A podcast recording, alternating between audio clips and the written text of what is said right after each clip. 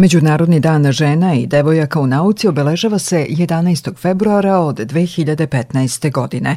Tog dana i još nekoliko puta godišnje sa povodom govori se o problemima sa kojima se suočavaju žene koje se bave naukom. Jedan od datuma kada je to aktuelna tema u našoj zemlji je 23. novembar, dan kada je 2021. godine na inicijativu profesorke Sanje Podunavac-Kuzmanović osnovano Udruženje naučnica Srbije SRNA.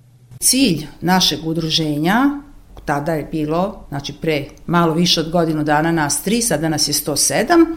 E, ideja je bila da radimo na unapređenju položaja žena i devojaka u nauci i da kroz razne aktivnosti koje organizuje udruženje Srna e, i te mlade e, studentkinje, naučnice, ali i devojčice, jer i to smo malo zahvatili taj deo rada sa decom u osnovnoj školi, da one razvijaju svoje e, veštine radeći sa drugima jer to je način da one kroz te razne konferencije, seminare, radionice budu tako uključene, ne samo da one budu pasivni posmatrači, nego da budu aktivni učesnici kao što je jedno dešavanje na sajmu obrazovanja gde dolaze, evo ove godine će nam doći i učenice osnovne škole Nikola Vukičević iz Sombora koje će na štandu izvoditi oglede drugoj deci koja budu dolazila da to posete. Ko može da bude član udruženja? Član udruženja može da bude e, svako ko podržava ciljeve ne znači nismo se samo uh, opredelili da to budu žene ili osobe ženskog pola, već to može biti bilo ko, ko podržava ciljeve srne i tako da mi sada od tih 107 članova imamo 105 članica i dva člana, znači dvoje kolega, zapravo studenta, su se priključili našem udruženju, jer muškarci nama moraju da budu saveznici u ovoj priči, nikako ne želimo od njih da se distanciramo, ali definitivno kroz taj jedan zajednički rad, kroz udruženje Srna, mi promovišemo žensku solidarnost.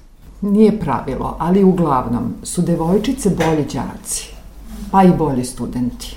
Šta se posle dešava? Pa generalno možda neki podaci to i pokazuju, jer e, mislim da je pre svega odgovor u tome što devojčice malo ranije sazrevaju nego dečaci.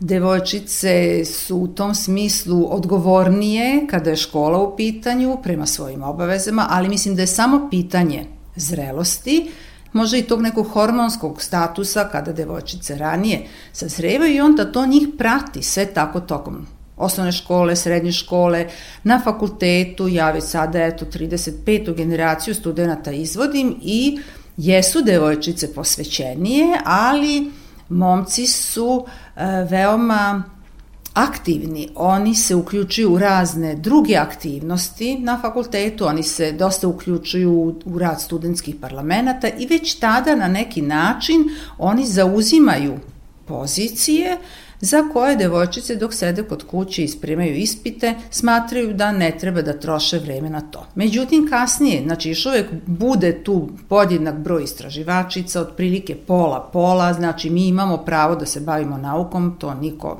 ne može da kaže da je u Srbiji da su žene na taj način diskriminisane, nisu. Međutim, kasnije kako se ide ka rukovodećim pozicijama, tu se broj žena smanjuje.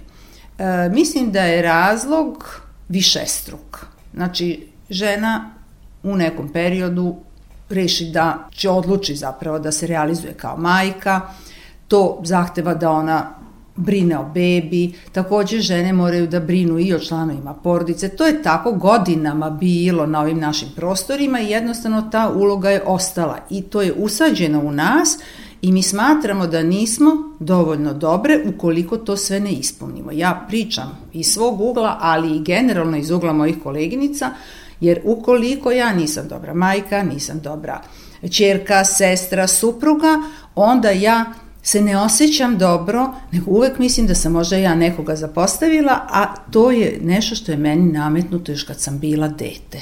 I zato je važno da danas devojčice se vaspitaju tako da istu odgovornost prema porodici imaju i muškarci i žene i da ne nose žene taj teret i ja moram da kažem kao neku grižu savesti ukoliko one ne uspeju sve to da izbalansiraju, a da pritom muškarac tu grižu savesti ne ima jer on smatra da je to uloga majke, supruge ili već nekog ženskog člana porodice. Da li vama smeta?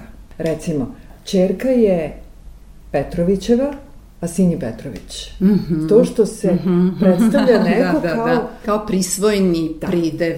Pa ja mislim da su to tragovi prošlosti. To je nešto što je od davnina tako bilo, ulazilo ljudima u uši, međutim možda danas neko i tendenciozno to hoće da iskoristi. Imala sam situacija da to čujem, gde neko prosto pomalo pogrdno govori o nekoj ženi kada je nazove tim opisnim pridevom, jer vi imate svoje prezime, zašto neko ne bi rekao ime i prezime ili samo ime ili profesor K.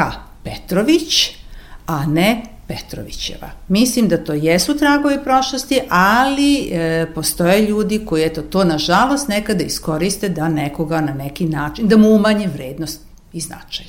S obzirom da je 105 žena sada u, u Srni, na koje probleme vi znate da su uglavnom uh, one nailazile u svom razvoju i ovom naučnom, ali i u tom porodičnom? Znači, one šansu da se bave naukom imaju.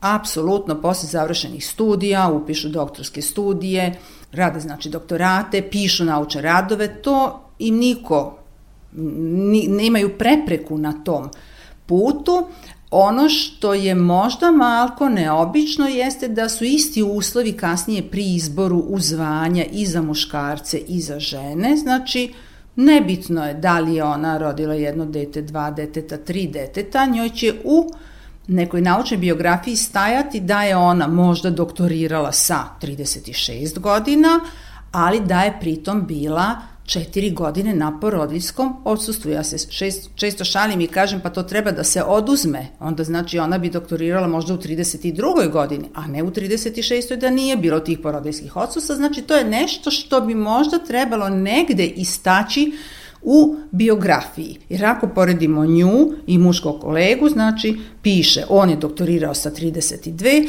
a ona sa 36, a četiri godine je ona bila na porodiljskog ako je imala, na primjer, tri deteta. Sledeće sa čime se sreću jeste taj problem da kada e, postanu majke, e, vrlo često imamo situaciju da one nemaju mogućnost da ostanu na projektima. Mlade žene danas su vrlo ambiciozne, one pišu prijeve projekata, dobijaju te projekte, međutim, taj trenutak kada ode na porodijsko odsustvo, ona mora da nađe sebi zamenu i da neko drugi rukovodi tim projektom ili da neko drugi bude član projekta umesto nje, a mnogi od njih žele da budu uključene u rad projekta jer smatraju da to mogu, jer nije sve vezano samo za fizički rad, znači ako je ona i na porodijskom odsustvu, ako neguje bebu, sve mi smo dok su naše bebe spavale i pisale doktorate i naučne radove, pa kad se već ti radovi prihvataju kasnije pri izborima u zvanja koje su one objavile tokom porodljskog odsustva, zašto se onda ne bi prihvatilo da one budu i na tim projektima napisane? Članice udruženja Srna ukazuju i na potrebu prilagođavanja vrtića dužem radnom vremenu roditelja, kao i na to da se komentariše izgled naučnica, a redko naučnika – Neke od njih podsjećaju i na to da je pravilo ili za neke šala iza svakog uspešnog muškarca stoji žena, u njihovom slučaju Iza svake uspešne žene stoji žena i to najčešće majka.